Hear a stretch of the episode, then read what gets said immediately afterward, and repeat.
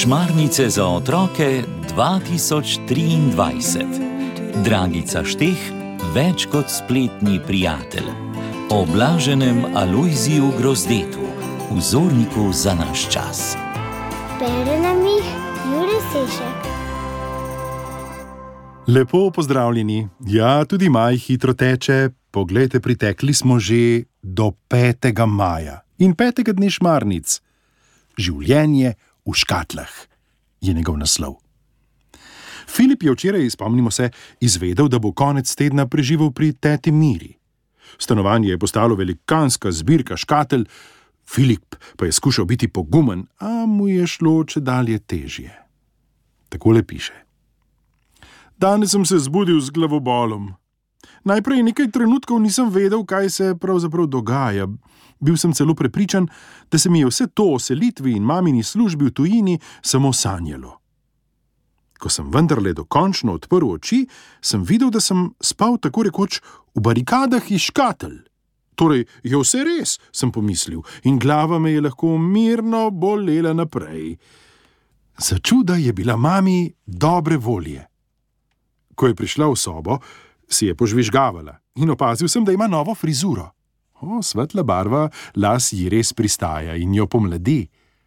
Ali pa jo pomladita na smeh in pomirjujoči izraz na obrazu. Opravičila sem te od pouka za danes, je rekla mirno.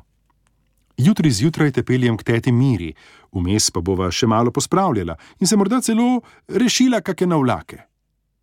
Ob omembi, da mi ne bo treba v šolo, me je spreletelo nekaj nenavadnega. V normalnih okoliščinah bi se take reči noro razveselil, se obrnil na drugo stran in še malo zaspal. Danes pa mi je bilo predvsem čudno. To pomeni en dan manj v moji šoli.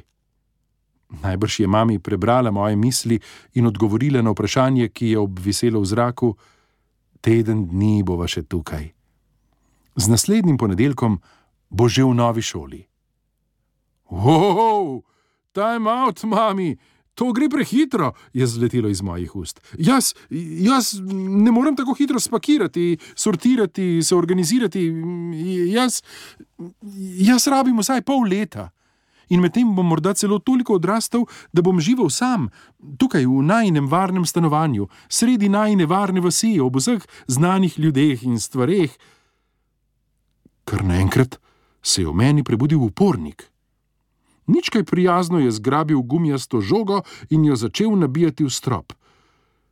Mamin pomirjeno prijazni izraz je izginil. Ko se pomiriš, bova nadaljevala z urejanjem tvojih stvari. Tu imaš škatle, v katere pospravi vse, česar v mestu ne boš potreboval. Žogica je še bolj sunkovito potovala do stropa in nazaj česar ne boš potreboval, vse bom potreboval, čisto vse, svojo posteljo, svojo blazino, svojo okrušeno nočno lučko, svojo žogo, vse.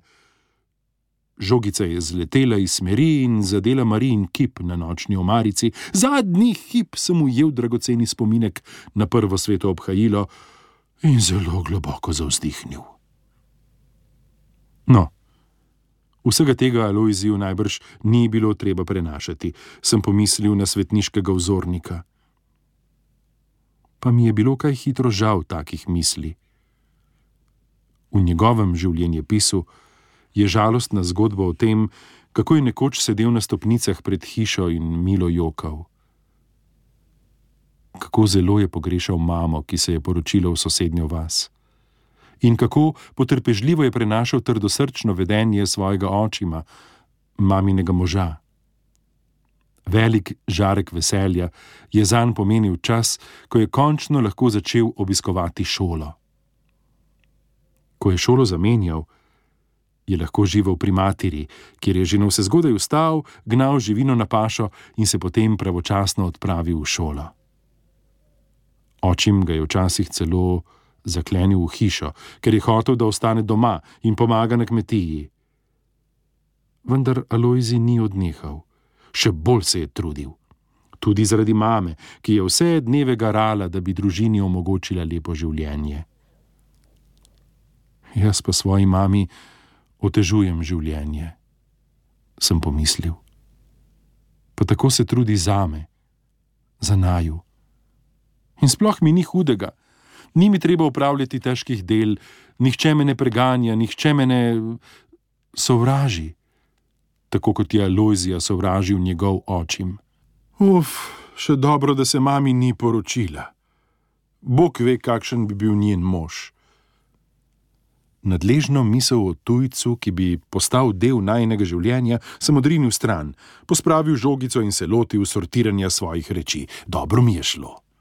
Vse, dokler nisem na najvišji polici s knjigami našel skrbno zalepljene škatle. Hotel sem jo pokazati mami, a sem bil preveč utrujen. Za skrivnostno vsebino bo čas jutri. Ah, jutri grem k teti Miri. Potreboval sem še kakšno aluzijo na svet in ga kaj hitro našel v eni izmed njegovih pesmi. Naj le besni in razsaja vihar, morje razburkano, naj le šumi, naj nam pokvarjeni svet le grozi, z nami nebes je in zemlje vladar, mi se ne uklonimo svetu, nikdar, nikdar.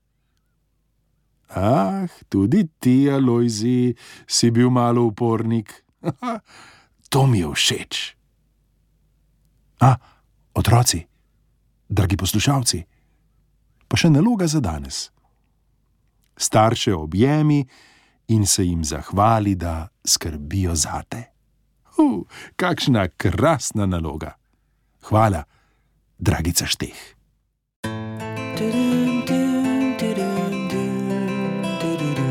Zgodbe za otroke.